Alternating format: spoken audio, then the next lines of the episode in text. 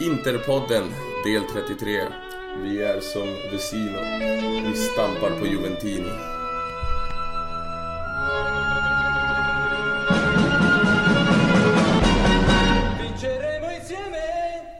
Så, välkomna till ännu ett avsnitt av eh, Interpodden. Jag heter Sendrak Preto och i dagens avsnitt så ska vi självklart gå igenom matchen mot Juve. Vi kommer att titta fram mot helgens match mot Udinese. Och sen självklart kommer vi ta våra kära lyssnares frågor.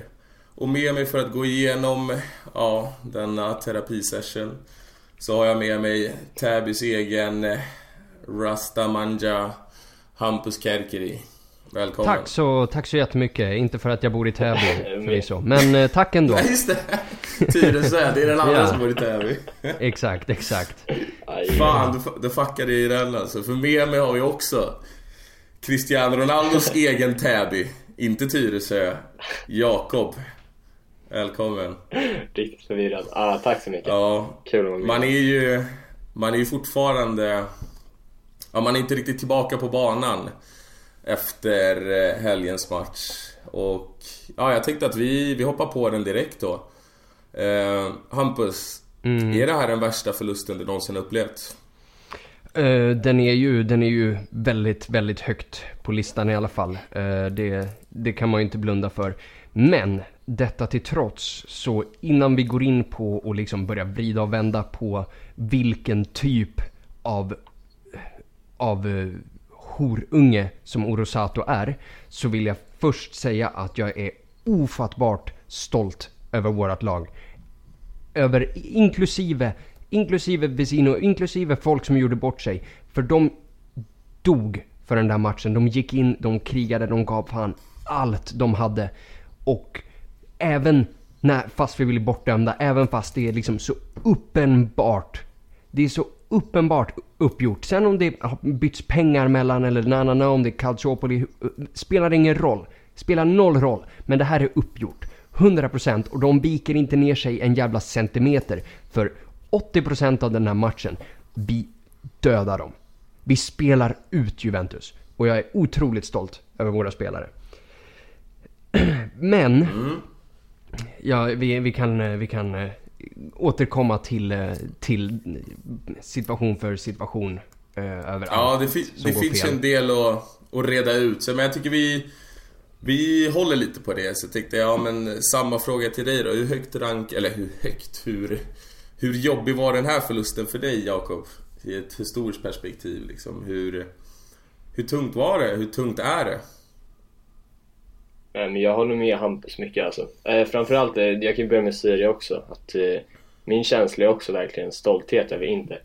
Alltså, vi, ja, vi såg ju matchen tillsammans sen Drack, och vi hade ju i princip gett upp i första halvlek liksom. Eller redan, alltså när det stod 0-1 och eh, det blev rött kort. Vi pratade ju om det här att liksom vanligtvis när man kollar på en sån här match så är det ju Alltså man sitter liksom med hög puls, det är så här, alltså du är verkligen fokuserad och eh, eh ja, och det är liksom det är ansträngande att kolla på matchen. Men vi, eh, vi alltså nervositeten, nervositeten släppte ju helt liksom för att man hade redan räknat in den här förlusten.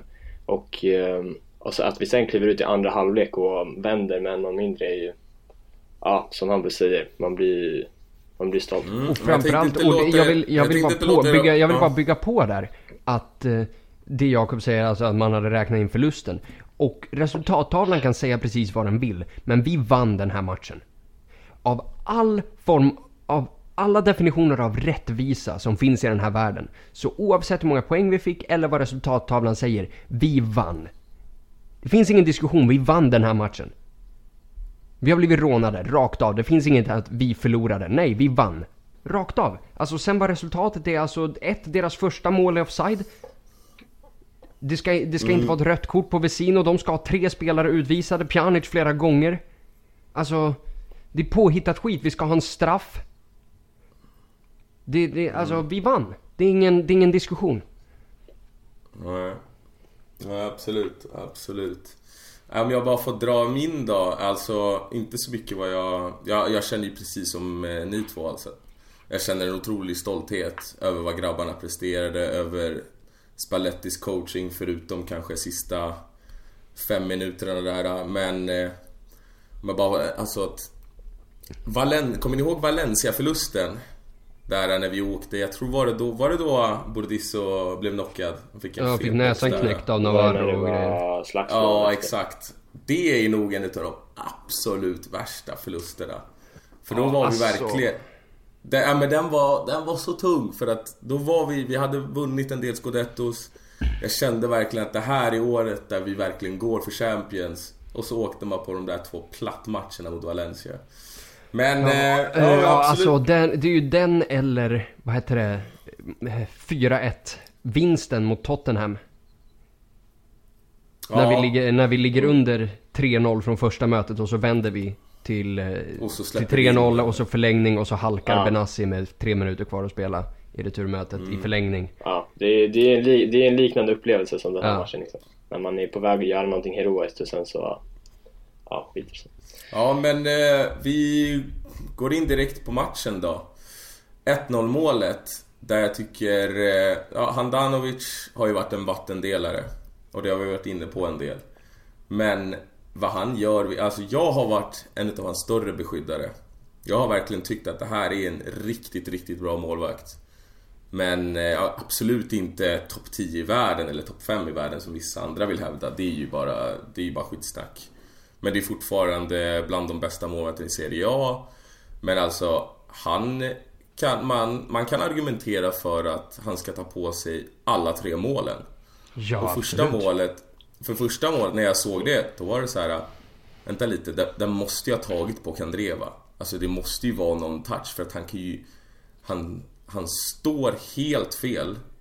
Han rör sig inte en meter, vilket i och för sig det är väl ett av hans adelsmärken att inte slänga sig efter bolljäveln. Men det här var matchen där jag, ja vad ska man säga, mitt Handanovic skepp, det sjönk. Alltså jag, jag hoppade av båten. Jag, han får mer än gärna försvinna för att det där var en alldeles katastrofal eh, insats från hans sida. Känner ni likadant? Har ni hållit den lika högt som jag? Vad, vad känner du mm. Jakob? Mm. Eh, alltså, jag kan börja med att säga att jag har inte hållit Handanovic riktigt lika högt som du verkar ha gjort eh, innan matchen. Eh, men ja, jag har inte heller varit en lika stor kritiker som vissa andra också har varit. Men eh, jag kan ju bara hålla med om att Handanovic kan eh, man kan absolut liksom argumentera för att han borde ha eh, gjort det bättre på alla målen. Eh, alltså, ja, du var inne på första målet eh, och eh, alltså det, skottet går inte ens i hörnet liksom. Och det är från en dålig vinkel. Jag tycker han verkligen borde ta den. Och det är som, eh, det som har varit den allmänna kritiken mot Handanovic också är att han, han slänger sig inte ens. Och eh, där, där var ju ett typexempel på det. Och andra målet är ju eh, katastrof liksom. Sen tredje målet är ju... Ja, det är också lite typiskt Handanovic att han, han är feg, han står kvar på linjen, han vågar inte gå ut eh och boxa den bollen trots att den är inne i målområdet, liksom, frisparken. Ja, och framförallt ja. det, jag tycker det tredje målet är nästan mer skandal än vad det andra är. Alltså, stå i mitten, ditt Alltså ditt jävla skåp. Alltså grej, det är ju inte så att Higuain sätter en stenhård nick i krysset eller nere vid stolprötterna. Den är mitt i mål. Men Handanovic står helt felpositionerad. Och hoppar mm, inte efter den. Alltså det är ju ja, bisarrt. Han, han, hamnar ju, han hamnar ju på fel ben liksom. Men, eh, men ja, jo, jag håller med. Det är också men... såklart för dåligt. Men det största problemet är att, för mig där är att han inte, han visar ingen pondus liksom. Han, det, alltså en frisparken som från, från den positionen som går in i, inuti målområdet ska han ju vara på. Det är ju hans, det, det är hans uppgift där. Så det är det som... Men framförallt det jag kände på alla tre målen, det är ju hans positionsspel. Inte för att det har varit världsklass tidigare, men det här var ju helt horribelt. Alltså första målet, då står han klistrad in till främre stolpen. Alltså står han ett halvt steg ut där, så tar han den där bollen. Samma sak på andra målet. Alltså han står och hänger på målet när den styrs på Skriniar. Och tredje målet också. Där hans överflyttning. Alltså det är, det är så dåligt så man vet inte ens var man ska ta vägen utan det, det är såna tre... Alltså han... Det är många som förstör den här matchen för oss. Framförallt domaren, absolut. Men Handanovic, sett till spelarna, är ju han den som ska bära största hundhuvudet. För det var... Det var en helt värdelös insats utav honom. Och att någon kan försvara honom efter det här, det är, det är bortom allt rimligt tvivel för mig. Men... Eh, om Ja, vi... Och sen att han får jättemycket cred för den här räddningen på Dybalas frispark också. Ja. Det är också typiskt. Ja. Han gör en TV-räddning där den går rakt på honom. Ja men exakt, han hoppar lite extra högt, han skjuter ifrån lite extra så ska det se lite snyggare ut. Det är klassisk målvaktsstil det där. Men eh, om vi går tillbaka till första målet då. Eh, förutom Handanovic, det är ju en situation där Matuidi... Jag vet fortfarande inte om han är på bollen eller inte. Om det ska dömas offside, men vad känner du där Hampus? Är det men det- domaren som ska alltså- ta den, eller är det... Eller är det försvaret som inte fångar upp eh, Douglas Costa, inte Diego Costa, utan Douglas Costa. Ja, eh, alltså det, är ju tvådelat det här. Om vi säger... Eh, det är ju offside. Alltså den tar i ryggen på Matuidi. Men den är svår att se. Den är mycket svår att se och vad får VAR på sig? 20-30 sekunder något sånt där. Så okej, jag kan acceptera att man missar det. Men hur VAR användes i den här jävla matchen är ju, är ju motbjudande. Att okej, då gick man och kollade den där. Alright, eller gjorde man det? Gick Orosato och kollade på det? Ja, han gjorde det, eller hur? Första mål. Jo, jo, de Jo, kollade han det. kollade jo, det. de kollade Precis. Det. De kollade det. Eh, Ja. Men samtidigt, Icardis straffsituation i, i senare skede, när Barsaldi liksom rakt sparkar ner honom bakifrån. Alltså, det, den gick vi inte och kollade på. Så, ja okej, alltså första målet, ja, och alltså som sagt. Det där är ett sånt mål som vi mycket väl hade kunnat få döm, fått dömt till våran fördel om, om det inte hade varit mot Juve, givetvis. Men okej, det där är en, det där är en väldigt, ett väldigt svårt beslut att ta och det är liksom, det är ju lätt att sitta i efterhand när man har sett reprisbilderna från tusen olika vinklar. Och jag förstår att man kan göra det misstaget att, att inte, att helt enkelt inte se den rätta vinkeln när du har 30 sekunder på dig. Det är fine. Mm. Eh, Jakob, men om vi bortser från offside-situationen då. Är det Kandreva eller Cancelo som ska plocka upp Douglas Costa där? ja? Kommer du ihåg? För det var ju, Ja, alltså- det är ju till sist... Ja, jag har för mig att... Ja, jag har för mig att det är Cancelo som jag blev irriterad på när det väl hände. Jag är inte helt situationen 100% i huvudet, men... ehm, det är väl han som... Det är väl hans yta från början och det är väl han som ska liksom få bort den, det inlägget. Samtidigt så står ju Kandreva framför honom. också. Jo, förvisso. Men eh, jag vill bara fylla på lite där på det här med offside-situationen också. Att liksom oavsett... Alltså jag såg också någon video på Twitter som var riktigt långsam där man ser att det är en liten touch liksom på Matuidi. Men man kan ju också argumentera för att eh, han påverkar spelet oavsett för att han faktiskt försöker ta bollen. Det kan jämföras lite med om man släpper en boll mellan benen liksom. Då blir det också eh, som att man påverkar spelet som en passning så då ska det vara offside ändå. Ja exakt, för han Ja, drar ju till bra sig markering och han drar ju till sig uppmärksamhet i och med att han går upp på Exakt, den här duellen. exakt. Exakt så. Ja. Ja, han försöker ju ta den. Alltså, det är det ju ingen snack om. Precis, precis. Så då påverkar Ja, ju för spelet. då måste ju de andra spelarna förhålla sig till det. Exakt. Ja, då, Ja, i sådana det- fall, i såna fall, det där har jag inte tänkt på Jakob, skit, eh, skitobservant av dig. Så då ändrar jag min hållning helt, att nej det är absolut inte okej att missa att det där är tok-offside. Nej, för han går ju mot bollen. Han går ju liksom, han har ju alla intentioner på att försöka få en träff på den. Sen om man försöker skarva den till Costa eller vad nu han försöker göra, det, det är väl svårt att säga om. Ja, och d- där ja. alltså hela, just när det handlar om Matuidi och offside också, där kommer vi ju till det som blir deras bortdömda mål. Alltså, hur fan kan man gå, ens, ens gå och titta på VAR? Hur fan kan man, alltså hur kan det ens behövas? Allvarligt, vad har vi linjemän till? Killen är typ sju meter offside. Och Ja, springer runt och firar, inte ens, inte ens Juve-spelarna firar den. Det är bara Matuidi som springer runt. Alla andra, alla andra på planen har fattat att det där är tok-offside. Och, och, och Rosato visslar på mål. Det, det Ja, är men det- sjukt. Ja, den är helt sjuk. Ja, verkligen. Alltså men det känns ju någonstans som att, för jag tror precis som dig Hampus, som du var där inne på i början att jag tror inte Juventus har betalat för den här matchen. Jag tror inte att de är köpta på det sättet. Men det känns ju som att det är ett helt system som har bestämt sig för att Juventus ska ta den här ligatiteln.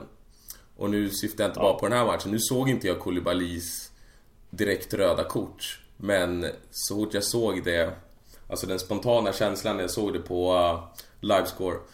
Det var att, nej, nu, nu har Italien bestämt sig. Juventus ska ta den här ligatiteln. Det finns inget annat. Exakt. Delar du den känslan med mig? Jo, men- Ja, men det är precis den känslan jag får också. Liksom, alltså, eh, och det förstärks ju av hela den här grejen om att eh, med Allegri, när han, han, det här han sa till Tagliavento efter matchen under den där intervjun. Eh, när han, eh, han sa väl typ eh, ah, grym insats av eh, Orsato, ni måste ah, promota honom typ eller vad det var liksom. Och eh, hela, alltså hela den liksom ja, men arrogansen och liksom det är ju det som man stör sig på mest. Alltså, det är verkligen som att det är liksom Serie A, det är Juventus system liksom, att de kontrollerar det. Och, så det är, ja, jag delar verkligen den Ja, och det man inte heller får glömma när det kommer till, till, att, eh, till just de här domarfördelarna som Juve får. Att ja, domarförbundet, Lega Serie A, de älskar Juve. Det är inget snack om saken, men viktigare än det, de hatar oss.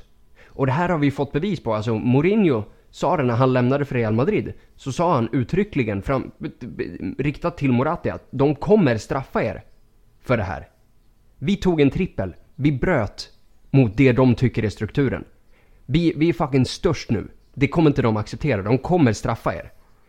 Och det ser vi ju prov på nu. Samma grej, alltså det, det är också någon match mot Juve. Jag tror att det är säsongen 2012-13 eller något sånt där.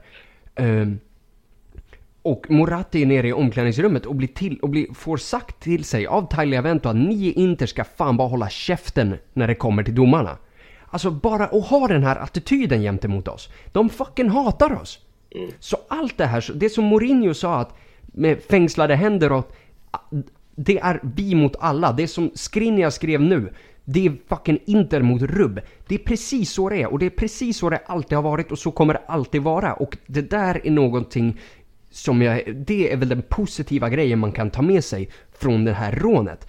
Att de här spelarna, de kommer veta nu, alltså Rafinha fan, som sitter i gräset och gråter och slår i backen. Så, alltså ursinnigt förbannad. Skriniar är, håller på att explodera. De här killarna fattar nu vad fan det betyder. De här fattar 100% exakt. att, Jo, att vara här är att alla är emot oss. Och det där är fan det bästa vapnet som vi kan ha. Exakt, det förstärker ju vi-känslan på det sättet. Och att, eh, alla, ja men som du säger, att alla förstår att eh, det här är inte liksom, och det kan förstärka någon slags kärlek Mm. till klubben också. Ehm, så ja, verkligen. Det är ju den känslan man själv hade också, det är lite det jag var inne på, eller du också Hampus. Men, alltså den här stoltheten man kände efter. Att liksom såna här, såna här kvällar, det stärker ju bara kärleken Ja. till Inter liksom. För att vi är, vi är inte, vi är inte som dem liksom. Och där, Och, eh, och det är det man där är kan man ju över. koppla har det en till, liten- kan, man kan ju koppla det till liksom faktumet att att Icardi gråter efter också och folk eh, spekulerar i huruvida det liksom betyder att han har gett upp eller na na na na na na. Han gråter inte för att han, för att han är ledsen eller för att han har gett upp. Han gråter för att han är arg. Jag grät för att jag var arg. Jag var ursinnig. Och när man är så Ja, förbannad att man inte vet var man tar vägen, man gråter. Alltså det är så det är. Och fuck it, alltså man har sett bilderna liksom som jämför hans tårar med Ronaldos tårar från 98 och det, det är precis det är precis samma grej. Och alltså en arg Icardi. En arg Skriniar, en arg Rafinha. Arga spelare vad jag vill ha nästa vecka, arga spelare vad jag vill ha hela nästa säsong och framför allt i nästkommande säsongs två möten med Juve. För de här spelarna kommer komma ihåg det här. För låt oss säga, vi har blivit rånade av Juve förr. Många gånger, vi kommer bli, vi blir rånade nu och vi kommer bli rånade i framtiden. Men den här var fan brutal. Om vi säger, om vi säger när vi, när vi knullar upp dem första gången på Juventus Stadium.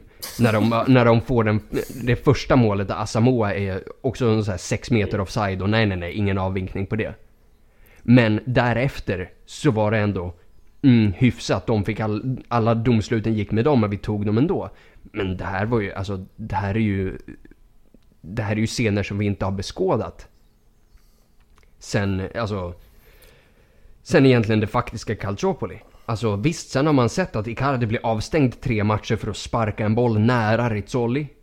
Vi har sett alltså Chiellini, Chiellini sparka iväg en boll med ett gult kort utan att få det andra gula.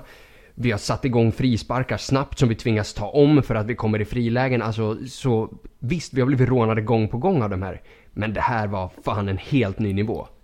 I alla fall en helt ny nivå för post Calciopoli. Men alltså känner inte ni någon form av uppgivenhet för i efterspelet till den här matchen? Alltså allt som har kommit fram med vad Allegri sa till domarna med med Mandzukic bild där han har fejkat fram en skada som inte alltså, kom från alltså. matchen. Ja men alltså allting, alltså det har ju, det har ju verkligen blossat upp det här. Och jag, jag bara personligen känner en sån jäkla uppgivenhet. Alltså vad är det för mening med att ens engagera sig i den här jävla skitligan om du ändå har ett system som aldrig kommer tillåta dig att bli störst? Och det är vi inte i närheten av att vara störst i dagsläget. Och det är inte det jag begär heller. Men när vi väl, för någon gång kommer vi komma tillbaka till våra fornstora dagar. Det är jag helt hundra på. Alltså Inter är en alldeles för stor klubb för att inte göra det. Mm. Vi attraherar fortfarande den typen av spelare. Vi har, en, vi har Italiens överlägset bästa fans. Alltså det, det kan man inte säga något annat. Nej. Så att jag, jag känner bara varför ska jag bry mig? Alltså det här var, jag sa redan i förra avsnittet Jag pratar inte om domare liksom, det, det rör mig inte så mycket längre men Den här matchen, det var liksom Det här fick hela Calciopolo bara spola framför sig Alltså det var som en video av att se Allt det vidriga som Moggi och de höll på med under den tiden det var liksom, det var, det var som déjà vu hela ja. matchen. Alltså, jag, jag har aldrig varit med om något Exakt, ja men precis. Alltså Julianos tackling på, på Ronaldo den säsongen är ju, alltså det är ju väldigt likt den, alltså knytnävslaget som Pjanic ger Rafinha i facet. Alltså bara, bara mm. den i sig själv är fan en diskutabel rött och han har redan, han har redan ett gult. Han har redan sparkat ner Icardi bakifrån efter det gula. Han nitar Rafinha i nyllet, han är fortfarande kvar på plan. Det ännu roliga, roligare är att i Turin, i Turin-derbyt så gör ju Daniele Baselli exakt samma grej på Pjanic och blir utvisad. Alltså, så som svar på din fråga, ska man bli uppgiven? Nej, man får helt enkelt titta tillbaks 2010. Att det enda sättet som vi kommer få vinna är att vi behöver vara klasskillnader bättre. Det, alltså, vi spelade ut dem idag. Och hade vi haft en lite tyngre bänk så hade, det, hade de där två sista målen inte hänt heller. En vassare målvakt och inte Santon. Då hade vi fan vunnit den där. Så, men för att få ta de här titlarna, för det spelar inte bara roll i Juve-matchen. Alltså hade vi stått i begrepp för att få ta en titel, alltså vi hade, vi hade fått varenda domslut emot oss mot Cagliari och Spal och Fiorentina och fucking BK Häcken, det spelar ingen roll. Så, vi behöver bara göra, vi behöver helt enkelt vara som 2010, vi måste vara två nivåer över alla lag. Så det spelar ingen roll om ni kommer med med, med 12 man alltså, ja då, då domaren eller om ni kommer med 14 man som då är liksom alla domarna på planen eller om ni kommer med 16 man som är alla domarna plus VAR-rummet. Alltså det ska inte spela någon roll. Vi kommer behöva, alltså vi kommer behöva vara bra nog och slå ut dem även om de har dubbelt så många spelare som oss. Och nu fick jag precis lite mer hopp. nej men som ja, sagt, nej, men, är, och det är, är det en omöjlighet? Nej absolut inte. Vi har sett det hända. Flera gånger. Mm. Men om vi, eh, innan vi hoppar eh, till Pjanic och det. Jag tänkte bara... När Vesino åker på sitt första gula kort. Kuitim där eh, i våran interna grupp var ju väldigt uppmärksam och såg att man får ju inte gå in och revidera. I, alltså när domaren redan har dömt ett gult kort så får man inte ändra om det till ett rött kort. Varför har det här inte blossat upp till en större grej, Jakob? Alltså... För det är ju, det är ju nog den största var... skandalen. Alltså att han tar ju, han ja. får ju inte ta det domslutet. Ja, jag tycker det är sjukt intressant det där faktiskt. Och det var ju en eh, situation eh, tidigare en säsong. Jag tror det var den här matchen vi torska hemma mot Torino var det. Nej, nej, nej. Hemma Udinese. mot Udinese ja. var det ju. Exakt, exakt. Då var det en, en liknande grej med att VAR användes fel. De, jag tror de de kommer ner till eh, kortlinjen och ska slå ett inlägg och den går på Santons hand, tror jag. Det är antagligen Santon. Um, ehm, och uh, domaren dömer först inspark för att han tycker att bollen är ute. Och så kollar de VAR för att um, ja, för att kolla på situationen. Då ser de att bollen inte är ute, då, då ska det ju vara straff. Men de kollar ju VAR på fel grej liksom. De får egentligen inte kolla VAR om bollen är ute eller inte, de får bara kolla om det är hands eller inte liksom. Och det här är lite samma sak, att uh, de får ju kolla VAR eh, om det ska vara ett direkt rött. Men då får han inte ta beslutet innan de kollar. Eh, så, och varför det inte har blossat upp mer är väl förmodligen för att det har varit så mycket annan skit liksom som har tagit fokus ifrån det. Eh, med allt från Allegri och Tagliavento till framförallt och Pjanic. Men har, har Sato blivit avstängd nu i efterhand, Hampus? Du som har koll på allting. Nej, alltså avstängd har han ju inte blivit utan man har sagt att vi kommer, han kommer inte döma några mer högprofilmatcher den här säsongen. Vilket är tur i och med att det inte finns några sådana kvar mer eller mindre. Och vad fan spelar det för roll? Alltså, alltså de har ju redan förstört säsongen för oss. Pre precis, alltså det är ju det, alltså bara oj oj oj, nu blev domaren bestraffad. Ja men det, alltså jag skiter väl egentligen, alltså om de hade utordnat dödsstraff på Rosato, det hade inte gjort mig ett skit. Vi, han har fortfarande rånat oss. Alltså det spelar ingen roll om han lever eller dör nu. Alltså så i sådana fall, så i sådana fall, alltså om nu, alltså domaren som, han är, mm, alltså han är avlönad utav fan, han tjänar säkert, säkert mer cash än hela Interclub Svezia om vi hade lagt ihop alla våra löner tillsammans. Och Rosato tjänar mer än oss allihopa. För den så simpla jävla grejen att kunna fotbollsregler. Om då han har brutit mot regelverket och framförallt på en ganska jävla avgörande grej också. Alltså du visar ut en av våra spelare, vad är det, typ 15-20 minuten och sånt där. Det påverkar hela matchen. Om det där inte är grund för omspel, vad fan är grund för omspel då? Allvarligt talat. Ja, det, alltså det, det absolut minsta de borde göra är att ta bort eh, avstängningen på Vesino. För att han borde ju faktiskt inte blivit avstängd. ja, det kan man också även säga. Om man Ja men även om man tycker att, för att vi alla kan väl någonstans enas om att det är ingen skandal att han får ett rött kort. Men sättet han får ett rött kort på, det är liksom Det borde inte vara giltigt utan det, han borde inte kunna ta det beslutet. Så det tycker jag du har helt rätt i Jakob att de ska gå in och plocka bort den där avstängningen. För att den ska aldrig få uppkomma med tanke på att reglerna säger klart och tydligt att man får inte gå in och ändra när man redan har dömt. Ett kort. Alltså Men, jag, tycker, jag tycker bara att italienska medians spegling av den här matchen säger precis hur jävla uppgjort det här är. För Rom-baserade Corriere dello Sport, Corriere dello, dello Sport, Rom-baserat favoriserar i huvudsak Lazio och Roma. Till och med de säger att det här är en jävla skandal. Vi är de, vi är de enda som utmanar de två lagen om Champions League-platsen. Correro della Sport säger att det här är en skandal. Gazzetta della Sport, Mediaset-ägd, Berlusconis jävla tidning, Milans fucking eh, mediala epicentrum säger att det här är en, alltså det är en fruktansvärd domarinsats. Alltså det, det är skamligt. Den enda, den enda jävla pissblaskan som tycker att det här är okej okay, är Tuttosport. Givetvis. Alltså, och grejen är att jag förstår inte hur det, vi fortfarande ger uppmärksamhet till det här. Fede Azzurra översätter Tuttosport. FC Internews levererar Tuttosport. Alltså vi behöver bara börja, allvarligt, börja kväva den här jävla tidningen. Alltså ingen får fan ta, ta hänsyn till den längre. Ingen får läsa den. Alltså bara bojkott. 100%. Så när till och med våra rivaler tycker att det här är fucked up. Alltså... Det säger en del. Ja. ja, det säger en hel del. Men om vi ska... Och, och, en, lämna... och en sista grej, den här ja. grejen med, som, som Jakob har varit inne på med, med Allegri och, eh, och Tagliavento där. Alltså... Även den här när de läser läppar och han säger Ora Vinciamo. Ora Vinciamo. Att om det här uppstår i något annat land.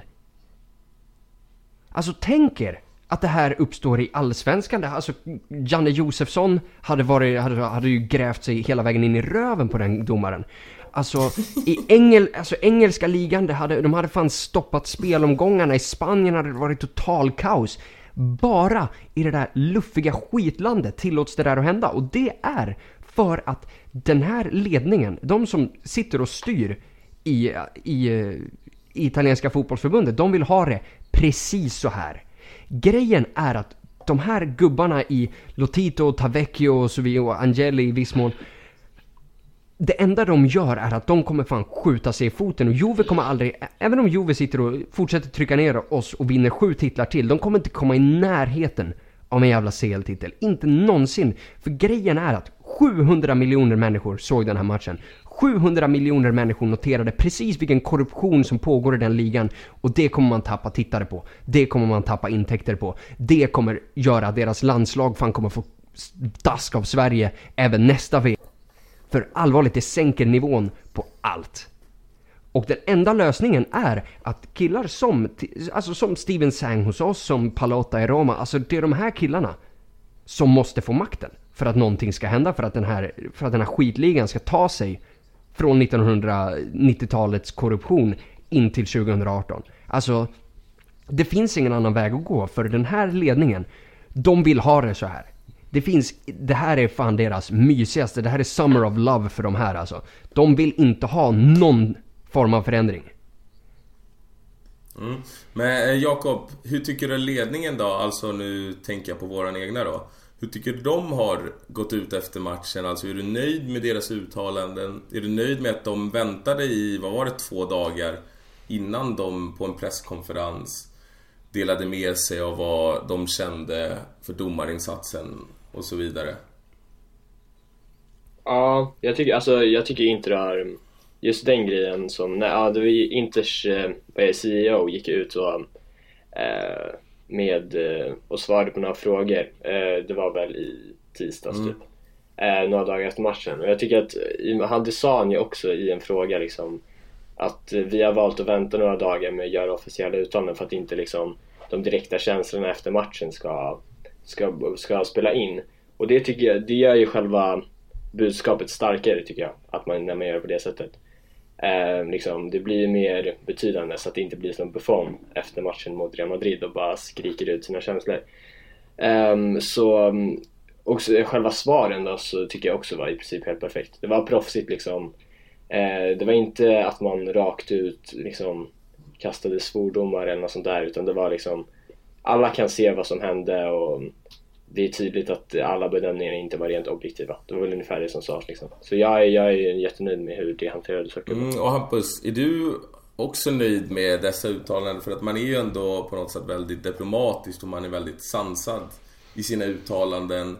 Eller tror du det kan bli så att, ja men Inter kommer ändå inte blossa upp så att det här kan vi fortsätta med. Vi kan fortsätta låta systemet ta hand om Juve och de andra lagen, framförallt vi då, inte kommer reagera när sådana här orättvisor speglar sig under matcherna. Alltså, tycker du, min fråga är egentligen, tycker du att vi gör rätt? Eller tycker du vi borde ha gått med full kraft direkt efter och visat att det här är inte acceptabelt? Uh, ja, jag, jag, tycker, jag håller faktiskt med Jakob att jag är, jag är nöjd med de uttalandena vi gör.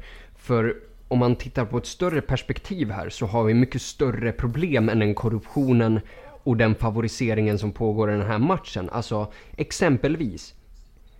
Hur kommer det sig att det bara är Juve som har fått tillstånd att bygga en egen arena? Vi kan börja där.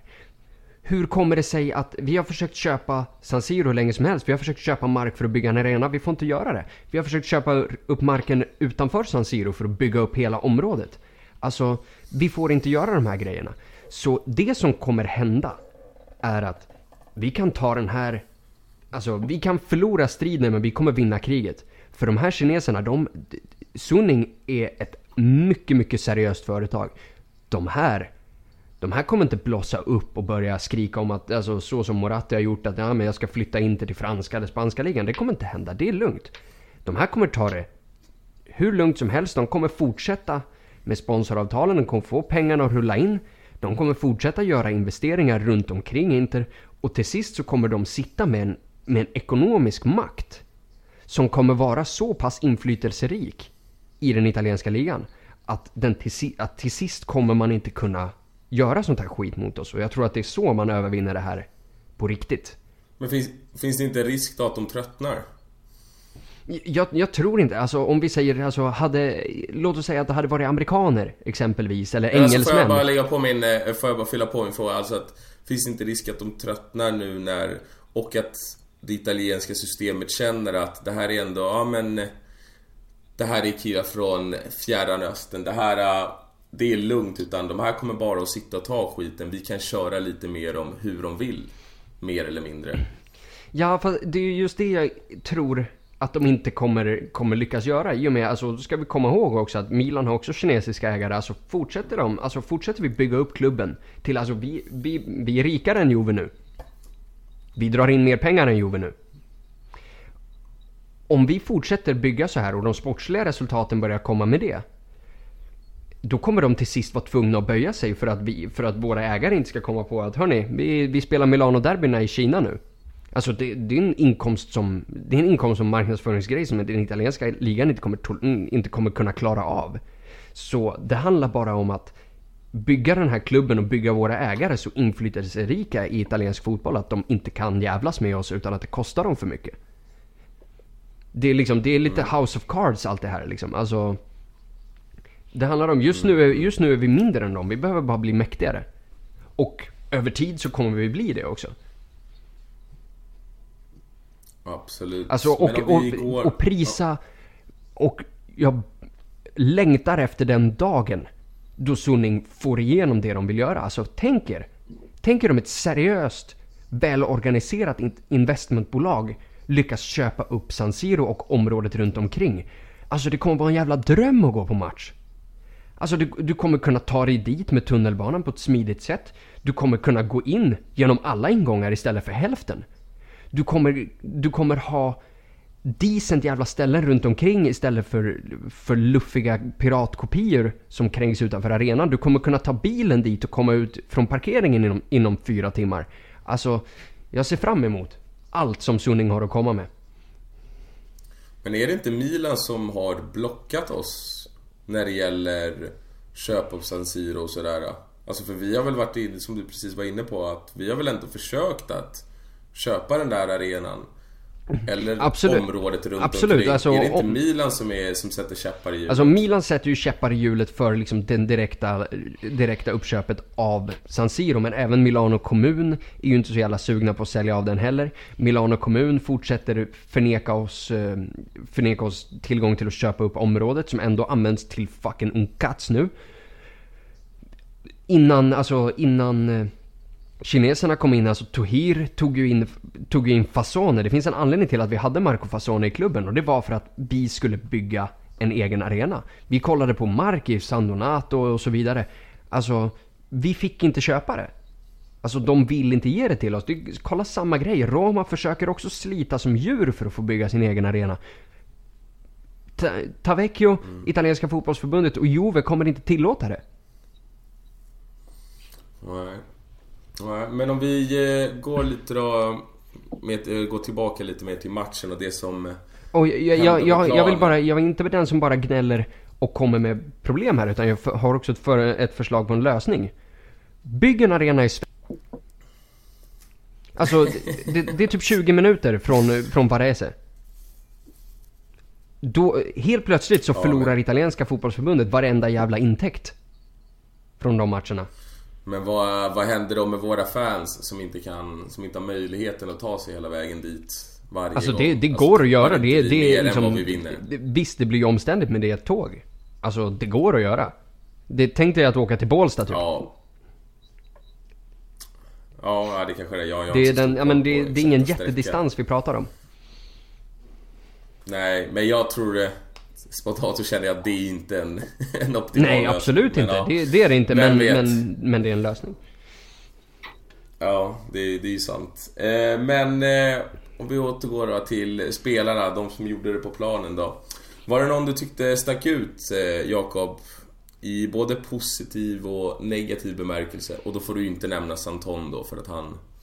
Han var ju med sista fem minuterna utan... Tänkte att vi ska väl gå lite djupare än så. Nej, men det är väl som vi varit inne på, Handanovic såklart eh, negativt, men ingen annan eh, egentligen. Eh, och positivt är väl egentligen också de allra flesta. Den som sticker ut där är väl nästan Kandreva, som gjorde eh, sin bästa match på säsongen.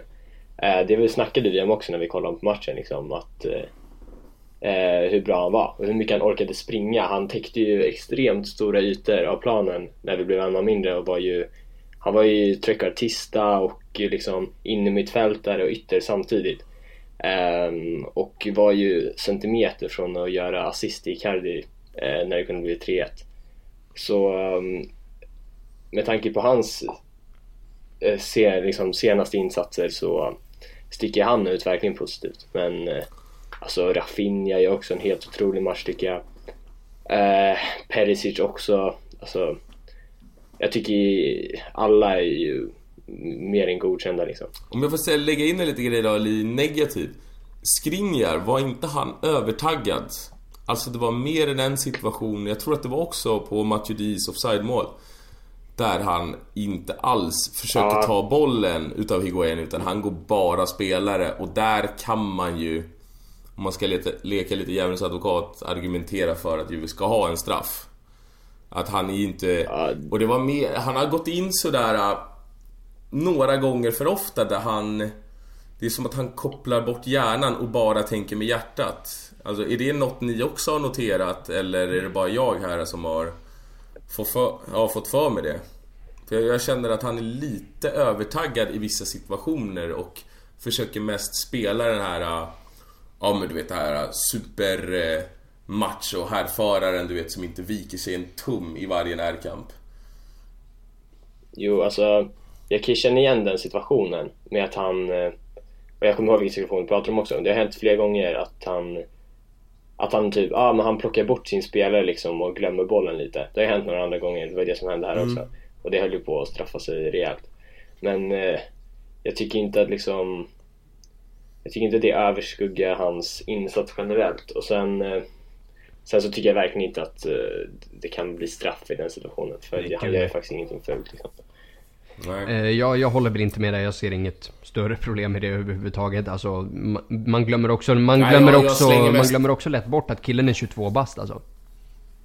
Man, man, man tänker inte på den när han spelar. Jag slänger mest in ett och sen så... Jag, jag håller inte nödvändigtvis med om alla påståenden jag slänger Nej, in. Det är, jag bara, jag vill ja. röra om lite i grytan. Jag vill, jag vill poängtera det bara till lyssnarna här så att inte jag blir stenad där för att jag tycker att han gör en dålig insats eller något. Det är inte det jag säger. Ja, eller att Juve skulle ha straff. Ja, exakt. Exakt, framförallt det. Ja, men det har vi ju ändå sett på prov på att vissa interister vill ju att det ska gå bra för Juve i den här gruppen. Alltså, aldrig. aldrig. Ja. Under inga omständigheter. Ja, sluta upp med det nu. Eh, och efter det här, alltså hatet kommer ju blossa upp till helt nya nivåer. Alltså nästa år, nu måste man ju åka ner nästa år på den här matchen. Kosta vad det kosta vill alltså. Det, det ska fan, det ska skrikas alltså, alltså. Det ska sjungas. Men, eh, ja alltså vi, jag känner vi har ju ändå... Vi har ju pratat mycket domare nu men, och det har varit flera skandaler i en match. Pjanic, straffsituationen som jag kan uppriktigt säga, jag kommer inte ens ihåg vad du snackade om Hampus. Nej, vilken? Det var ju den där när vi spelar in den felvänd på Icardi, han får en touch, bara säljer i ryggen och trycker till honom rätt hårt. Ja, utan, utan någon form av bollkontakt, alltså det är ett uppenbart, en uppenbar straff. Ja, exakt. Ja, Icardi är först på boll. Är det ja. verkligen det? Fan, ja. den, den har... Eller det är lite, det är lite en sån här situation som Händer det där på mittplan så är det frispark alla dagar i veckan liksom. Ja, okay. Men... Ja, ja, den passerar mig helt. Men eh, ja, vi får gå in då. Nu har vi tagit spelarna och ja Hampus, du var ju rätt upprörd. Mm, på Spalletti ja. På våran kära mister ja. här efter. Jag vet inte, har du lugnat ja, ner dig nu eller det. håller du fast vid det du ja, sa? Ja, nej. Det, uh, jag håller fast vid delar av det men inte i allt. Och om vi säger det jag sa var ju att jag ville att Spalletti skulle lämna samma kväll och, eh, och så vidare och eh, bla bla bla bla. Eh, till... Ja. Det, det, om vi säger det brann till lite, lite för mig där. Och det är därför jag liksom, det är därför vi tar ett par dagar innan vi spelar in de här poddavsnitten så jag inte sitter och kallar folk för saker och sen får jag rulla tillbaks på det. Alltså vi, Cancelo-grejen har vi sett prov på. Men eh, hans, hans presskonferens efteråt hjälpte.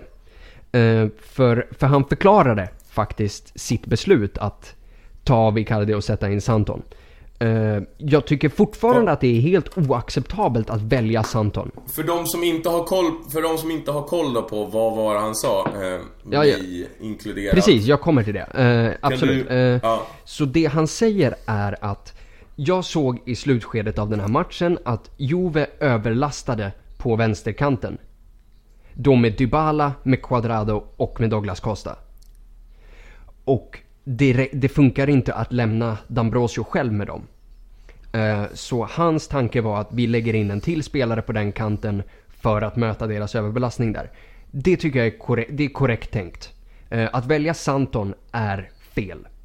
Ta Ranocchia, ta Dalbert, ta...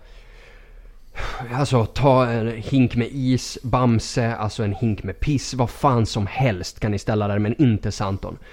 Uh, det andra han säger... Men varför tar Precis, varför jag kommer till det också sen Drack. ut- Kalma, kalma lätt och Ja, tätt ja. fan. Uh, och varpå han säger att valet jag hade var att ta av Icardi eller ta av Perisic. Eh, och Spalletti medger sitt eget misstag att av de två så borde jag ha valt Perisic.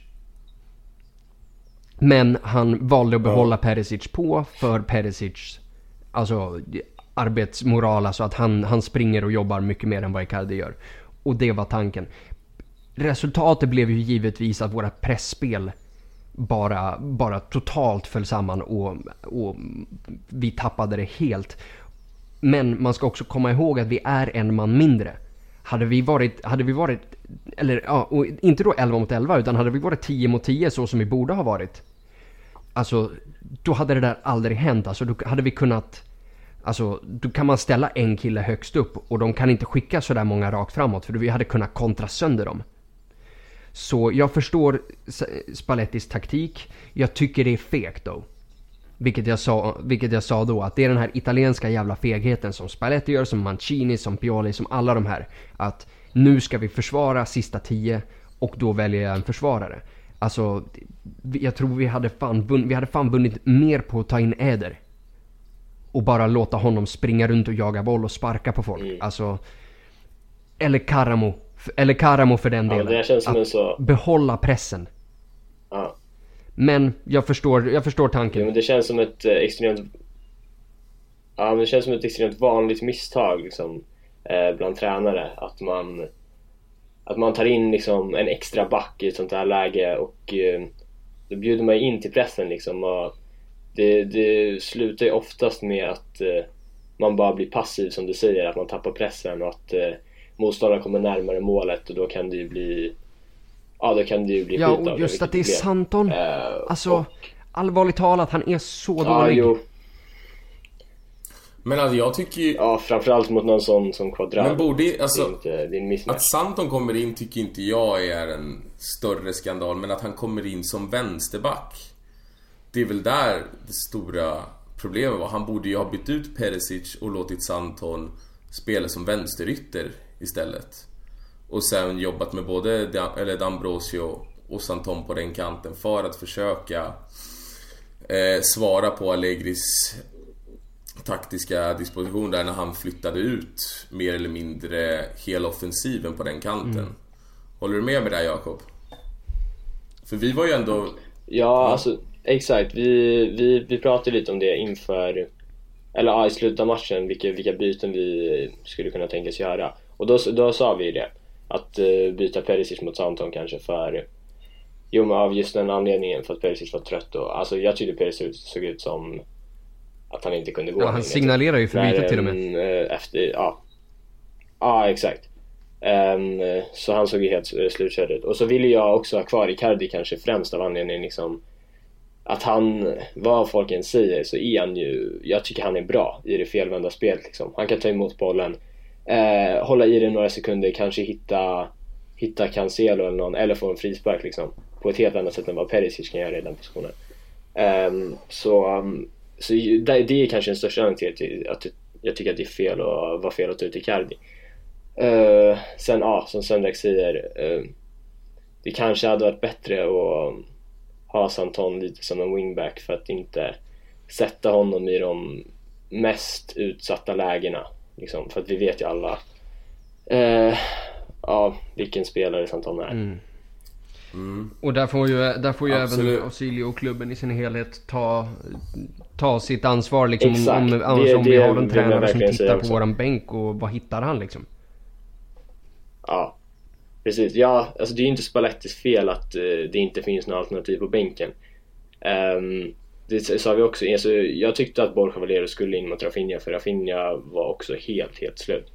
Uh, och, men man hade ju hellre velat, sen visserligen Garadini är skadad och Vesina var utvisad. Men det bör ju finnas någon annan mittfältstyp på bänken mm. ändå.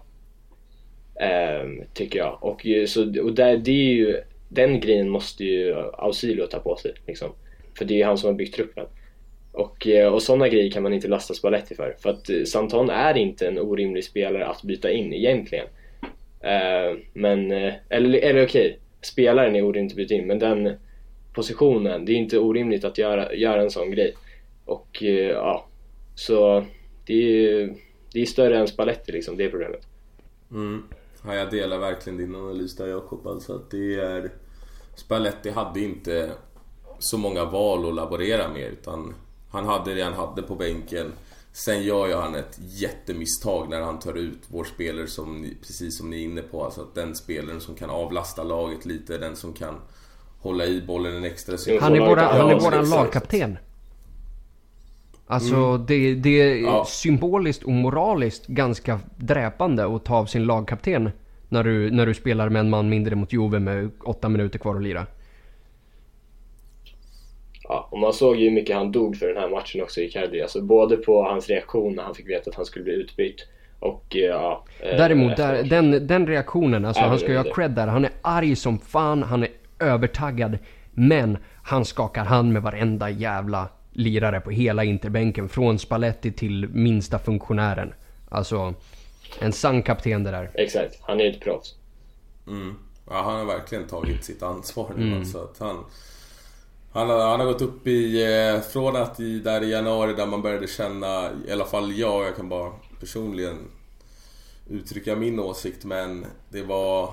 Man, man kände sig lite trött på honom när det kom lite tweets och lite Instagram-posts och allt vad det var. Men de här senaste matcherna och framförallt den här att kärleken har ju gått upp. Alltså han tog ett steg bak men han har tagit fem steg framåt nu för att det var ja, allt med tårarna som man fick se bilden på. Alltså, det kän, han känns verkligen Inter och det i vanliga fall när spelare säger att de inte ens skulle svara på luren när Real ringer och så vidare och allt det där äh, skitsnacket som fotbollsspelare håller på med i dagsläget.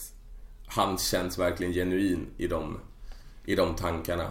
Alltså att jag tror inte, jag tror inte han kommer lämna. Det här är inte... Han kommer inte bara lämna oss i skiten. Även om vi missar Champions nu, vilket vi ser ut att göra. Men eh, jag vet inte, känner ni er... Känner vi oss klara med matchen eller? Ja. Är det något mer ni vill tillägga? Nej, jag tycker mm. nästan vi är... Må, må ja. alltså... Ja. Alla, alla i en vitsvart Juve-tröja, må ni dö, hela högen. Fy fan. Ja, absolut. Den, den står jag inte bakom men... Det, eh, det gör jag. Det låter bra. Ja. Och den här har jag, det här har jag känt sen, sen matchen också och det här har jag övervägt länge och eh, ja, absolut, jag står för den. Absolut. Men vad heter det? Om vi tänker då på helgens match, Odinese. Kommer laget ha gett upp nu? Kommer vi få se det vi har fått se de senaste säsongerna när Champions League mer eller mindre har varit omöjligt att nå? Eller tror ni att laget kommer tillbaka starkare än någonsin med en blodad tand? Vad tror du Jakob? Det är svårt att säga, tycker jag. Verkligen. Um, nu vet jag inte hur det ligger till med... För vi spelar ju söndag 12.30 ja. va? Men spelar någon, spelar de eller Lazio Lazio spelar klockan tre, sådana grejer. tror jag. Men för det, det brukar Sam. vara någon match på lördagen också. Ja, så. men ingen av dem alltså, som vi är intresserade av. Ett sånt resultat, om... Nej okej, okay. för en sån grej skulle annars kunna påverka positivt liksom. Nej, båda spelar men, efter. Eh, alltså, alltså, jag tror nästan... Det känns ändå som någonting är annorlunda nu liksom. Uh, och särskilt med, jag tror inte vi kommer, eller det är mycket jag hoppas också, men att vi ska låta oss eh, vikas ner och liksom, alltså att låta det här förstöra vår säsong liksom. Och att vi, ehm, att vi torskar resten liksom. För det är det som har hänt tidigare säsonger. Men eh, det känns som, som, alltså spelarnas reaktioner efter matchen, det, det är som vi var inne på innan också. Vi vill ju se den här ilskan nu. Eh, att, alltså en riktig reaktion i de tre matcherna som är kvar. Och det är väl det jag mest hoppas på, men ändå tror på att eh, att det kommer ske. Jag tror, jag tror i alla fall inte att det kommer bli den här eh, kollapsen som, som för, ja, föregående år. Nej, absolut inte. Det, alltså om vi säger, det som skiljer Spalletti från, från resterande tränare är ju att alla tränare har ju gått igenom den här interkollapsen. Men han är faktiskt den enda som har lyckats lyfta oss mm, efter exakt. den inter, interkollapsen. Mm. Ja, jag håller med dig. Absolut, för Udinese det är ju ändå... De har väl på de 13 senaste matcherna tror jag, vad är det? En vinst. Där någonstans. Jag tror de har vunnit en match. Nej, ett kryss är det. Ja. De, spel... är det ett de spelade 3-3 mot Benevento i helgen. Innan det hade de 12 raka torskar. Just. 12 raka torskar Så de har ju alltså. bytt tränare nu och tagit in två smutsiga kloakråttor i Igor Tudor och eh, Juliano där på tränarbänken nu. Så det är ju verkligen, ja. det är ju Juve B, de där. Ja men det är ju hela laget mm. också. Det är ju systerklubben eller B-laget eller C-laget eller vad vi nu ska kalla dem. Ja, vad heter det? Men eh, vad tror ni då? Hur kommer vi starta nu då? För Dambrosio är väl avstängd mm. va? Ja det snackas ju om att Dalbert Så ska få ni... chansen ja, alltså. Han ska få chansen ja, och alltså. alltså jag säger... Sure, varför inte? Och vill ni se några andra förändringar i startelvan? Ska Kandreva få fortsätta nu när han gjorde en riktigt bra insats? Eller är det här ett motstånd som är bättre lämpat för Karamo? Eh, jag tycker nog nästan att, eh, att enda skillnaden ska vara eller ja, jo, Vesino är avstängd också då. Men förutom de avstängda spelarna eh, Nej, exakt. Vad, vad snackar jag om? Jag tycker inte vi ska göra några förändringar förutom de avstängda spelarna. För att, eh, både som du säger, eh, Kandreva gjorde en riktigt bra match senast. Och eh, sen har ju inte Karamo heller kommit till sin rätt eh, i, eh, i de här borta matcherna liksom eh, överhuvudtaget. Eh, liksom, det kän, han, han passar ju som allra bäst när vi, när vi verkligen eh, ja, men när vi dominerar matchbilden och liksom eh, kör det höga pressspelet som vi har varit inne på. Uh, och jag, jag, är osäker på om det kommer bli en sån matchbild så jag tror att uh, det är bättre att starta med Kandreva och sen slänga in Karamon uh, om det skulle behövas. Mm. Ja, jag, jag, skri, jag skriver säger... faktiskt under på det där även fast jag är en av Karamos förespråkare men som, som Jakob säger, alltså det, det, det är ett väldigt kritiskt läge i säsongen och det är inte riktigt läge att, att börja, om vi säger Kandreva, man vet precis vad man får av Kandreva. Eh, Karamo kan, kan ställa till ja. det och Udinese kommer, kommer ligga på på kontringarna alltså. Mm. Ja, Karamo känns ju mer som en spelare som kan komma mm. in och förändra matchbilden än vad Kandreva kan liksom. Så det är också ett eh, till argument för att han kan passa mm. bra att komma in eh, Sen, alltså ja. så, som sagt, alltså jag tror inte att laget kommer vika ner sig för, alltså vi pratar om tajta marginaler ser, ser CL-platserna, ser en potentiell Champions League-plats ljus ut just nu?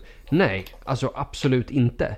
Men det är så pass tajta marginaler så ett snedsteg från någon av våra konkurrenter och så är helt plötsligt chanserna precis så som de var innan Juve-matchen. Ja, det räcker ju med ett poäng på tapp från Lazio och att vi inte går snett så har vi en final i sista matchen liksom. Och där kan vad som helst hända. Så vi får ju verkligen inte ge upp. Precis, precis och samma, samma grej. Alltså skulle Roma tappa mot Cagliari. Alltså Roma spelar ju ikväll. De har, de har Cagliari på bortaplanet. Cagliari som kommer slita för, slita ja, för att inte åka ner. Och sen har Juve efter alltså. Skulle de tappa poäng de två matcherna.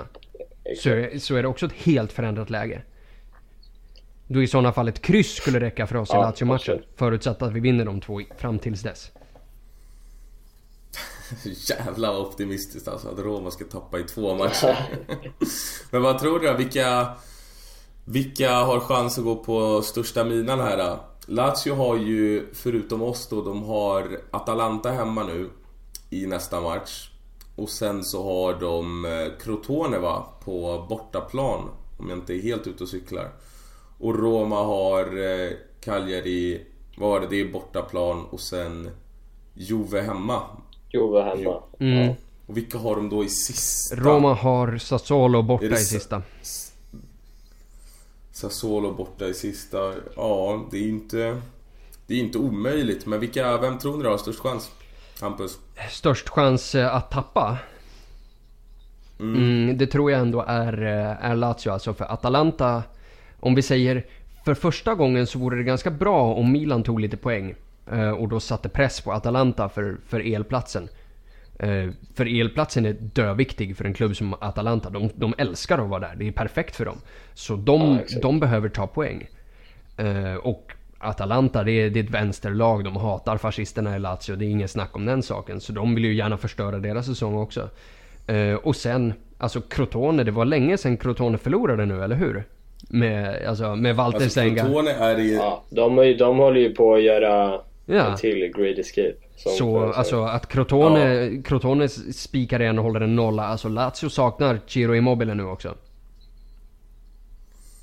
Alltså det ser jag faktiskt Ja, som den ja, ja, farligaste matchen för de här två lagen. Mm. Om man ser till alla matcher de har kvar. Så Crotone tror jag blir en riktigt jobbig nöt att knäcka. Ja, alltså om vi ser Crotone, om vi ser Crotone... ner. Ja, ursäk- ursäkta, men om vi ser De har Crotones... tre poäng ner till Kevio. Mm, precis. Och Crotones tre senaste är 1-1 mot Juve. Daskade upp Udinese på bortaplan och slaktade Sassuolo 4-1.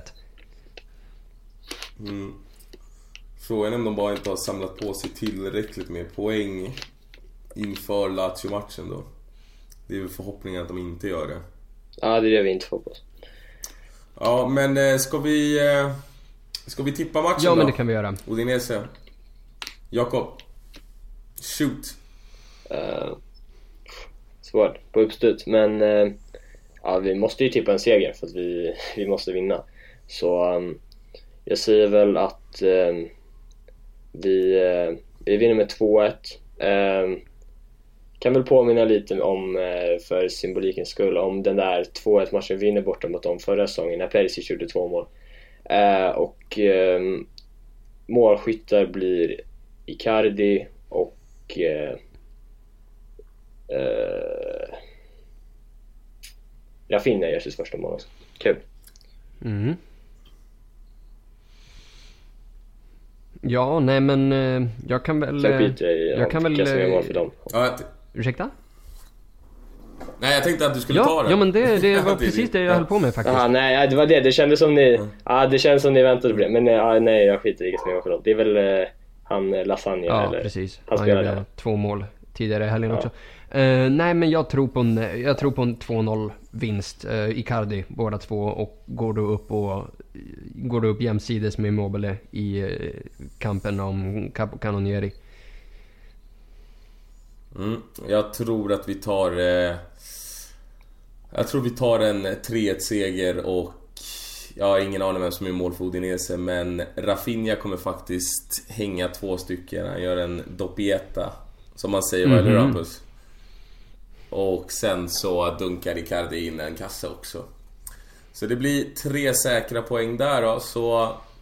Ja, då är det väl bara dags att gå, gå in på våra kära lyssnares frågor då. Jajamensan. Och vi eh, börjar, vi rivstartar direkt då med Elof Pils fråga. Tror ni inte fortfarande har chans på CL? Hampus, vad tror du?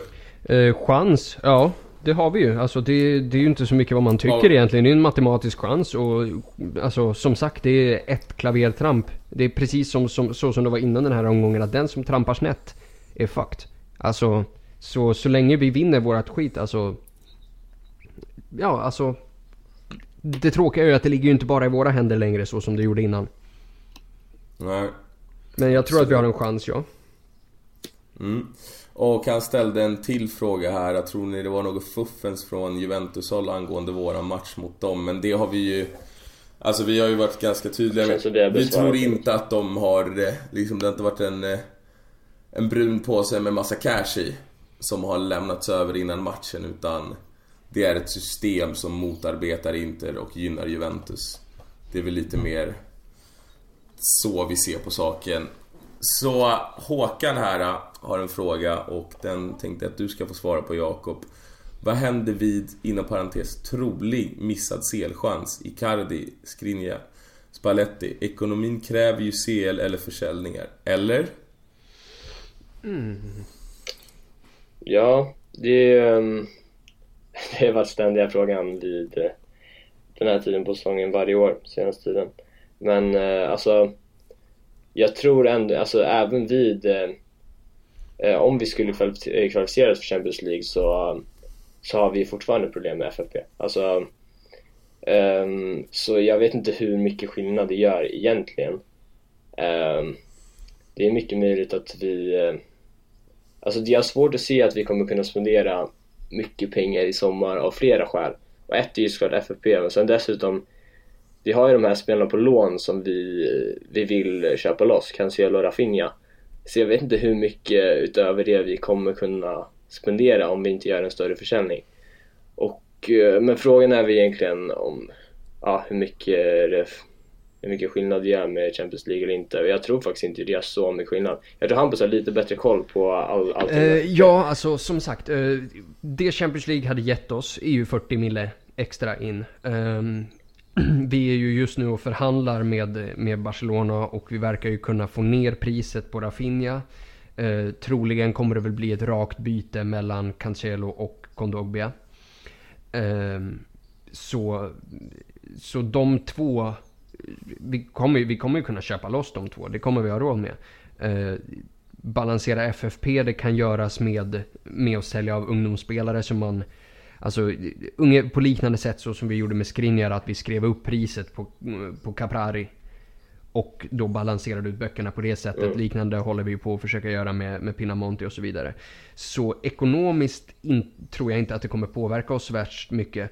Eh, vad som händer med Spalletti? Spalletti tror jag definitivt kommer bli kvar. Eh, Icardi tror jag kommer bli kvar om inte någon av de absolut riktiga big shotsen kommer in. Alla Bayern München eller Real Madrid. Eh, om liksom Chelsea, sådana här lag kommer så är jag inte orolig. Eh, Skriniar tror jag att vi kommer behålla. Eh, för det finns ingen anledning för oss att sälja honom efter en, efter en säsong.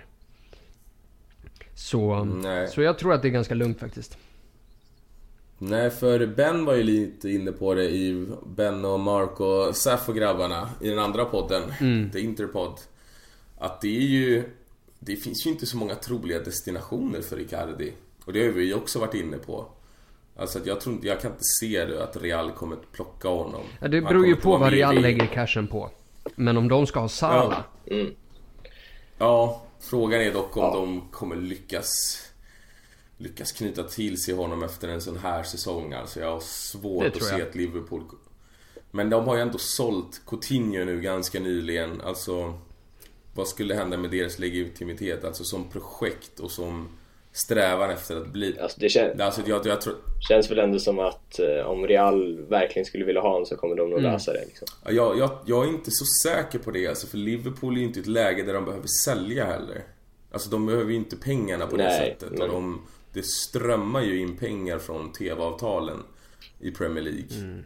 Samtidigt, alltså, samtidigt om, också, alltså, alltså, om Salah vill dra.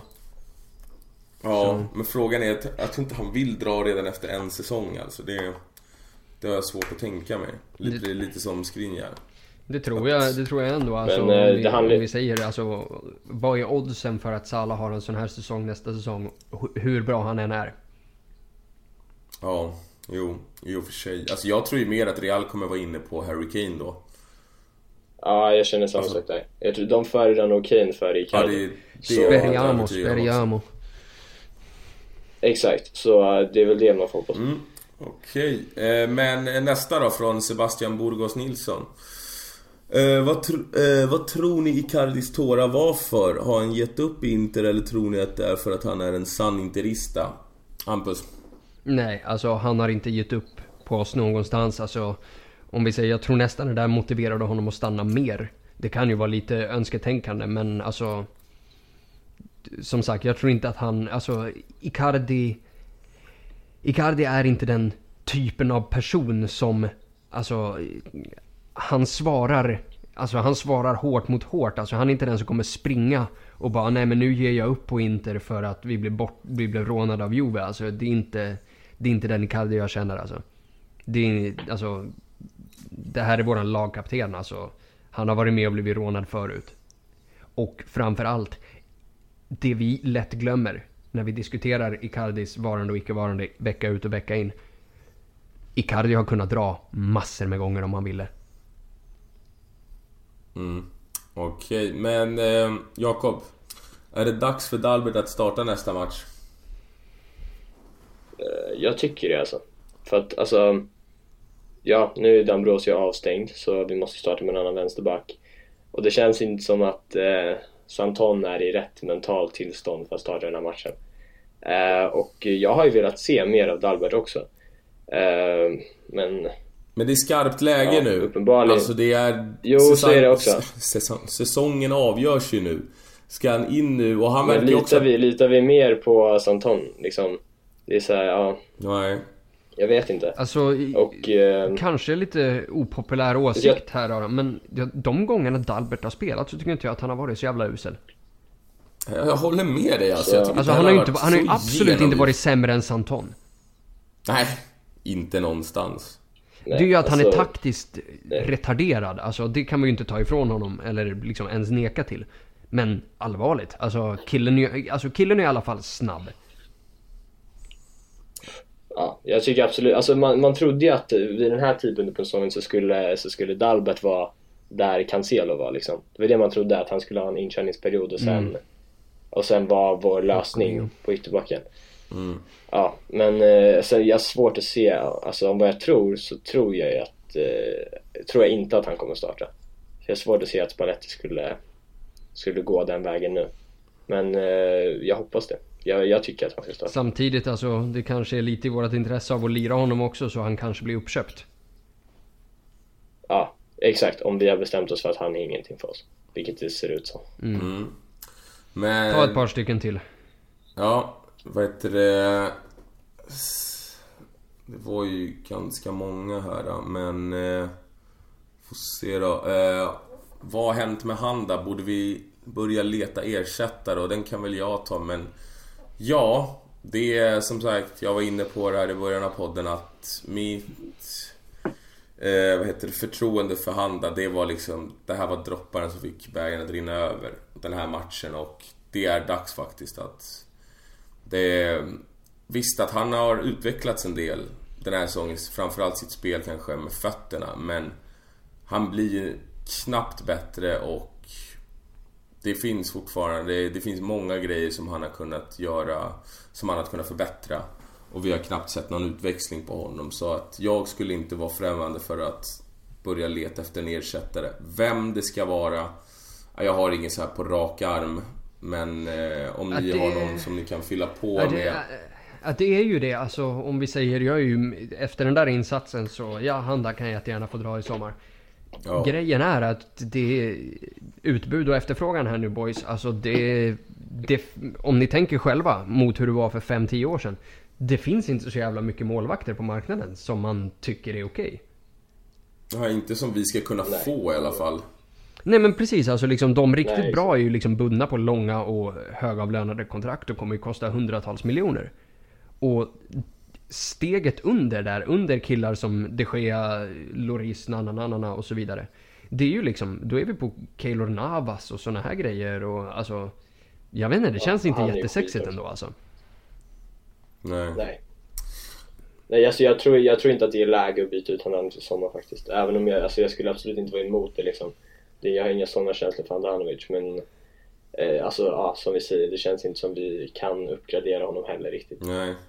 Ja, den är, den är tuff alltså för... Man, jag tror de flesta, eller flesta, det är fan att ta i för att det är många som håller honom väldigt högt. Men vi här i alla fall har väl börjat tröttna på honom en del. Jo. Men om vi tar Sides fråga och den tänkte jag också att jag kan i alla fall börja med att svara på för jag tycker den här är ganska intressant. Om vi inte når CL, tror ni vi satsar på EL då? jag tycker att det är värt att börja bredda truppen och börja matcha lag på längre sikt för att eventuellt utöka inför Champions säsongen efter. Spanska lag satsar på el, varför gör inte italienska lag det? Det är ju en direkt plats. Och jag kommer med en liten annan infallsvinkel men tar vi, blir det eller Europa League då tycker jag hundraprocentigt vi ska satsa på den. För ska vi ens ha en chans att göra ett avtryck i Champions då måste vi lära oss att spela mer än en eller två matcher i veckan utan vi måste förstå alltså att det, det är olika typer av förberedelser när du jobbar match hela tiden. Alltså att spelarna måste komma in i den där rytmen av att kunna, kunna alternera liga, cup och Europaspel. För om någon tror att vi ska ha en chans att ta sig någonstans i Champions när vi väl kommer dit och inte har någon form av erfarenhet i Europa. Alltså den, den personen vet inte vad den tänker. Så jag, och det är också det är en titel. Det är saker som Alltså att försöka gå för titlar, vinna titlar, gå långt i olika turneringar. Det ger så jäkla mycket till laget. Alltså kolla bara när vi tog vår första Coppa Italia-titel.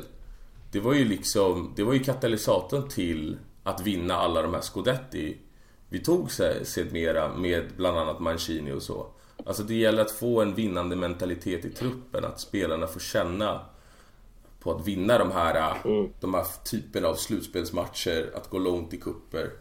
Håller ni med mig här eller tycker ni bara ja, vi ska det, det jag. Alltså, alltså på, på det sättet jag vill jag ju se... Jag den grejen. Ah, ja, det, det, alltså det, på det sättet. Det ska bli kul att se Brozovic i helgen. Och se hur han, hur han svarar upp mot den här motgången.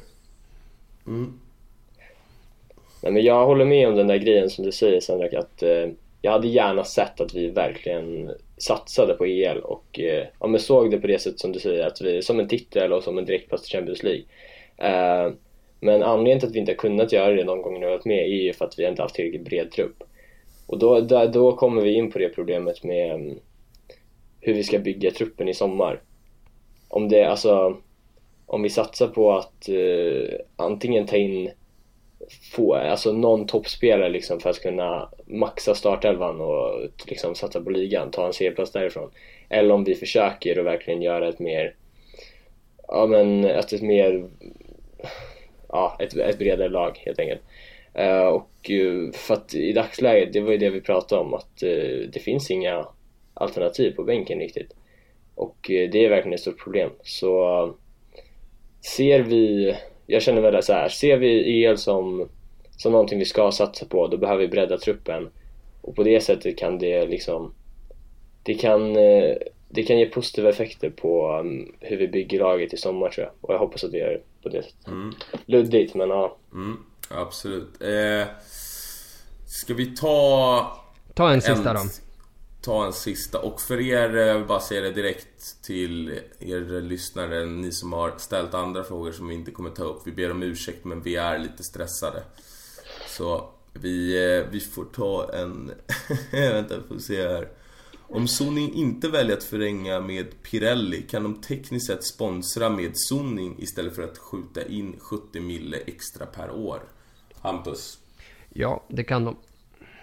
Kan man, göra, kan man bara skjuta in nej, nej, nej, Det är de, väl ekonomiskt doping? Inte, inte, ja de får inte göra hur mycket som helst väl, enligt FFP. Nej men samtidigt så, okej okay, om du, Sunning som eh, konglomerat, nej det kanske de inte kan men Sunning äger ju mängder med företag. Jo, exakt, jo precis. Men jag tror att de har... De, men inte PSG grann, de har gjort granskning mycket, på grund ja. av det där? Alltså att de har haft företag som de själva styr, som har skjutit in massa pengar och det har visat sig vara ja men det här är ju ni som styr det.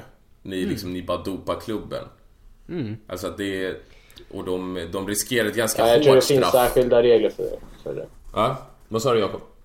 Det finns särskild, men det finns särskilda regler för det där med, med sponsorer som eh, alltså är ägarbaserade liksom. Ja. Att eh, vi, vi har ju redan träningsanläggningen och träningsställen eh, med zoning. Eh, och eh, det, alltså då har de väl liksom sponsrat ändå med en, liksom en skälig summa pengar så jag tror det, det handlar mycket om det.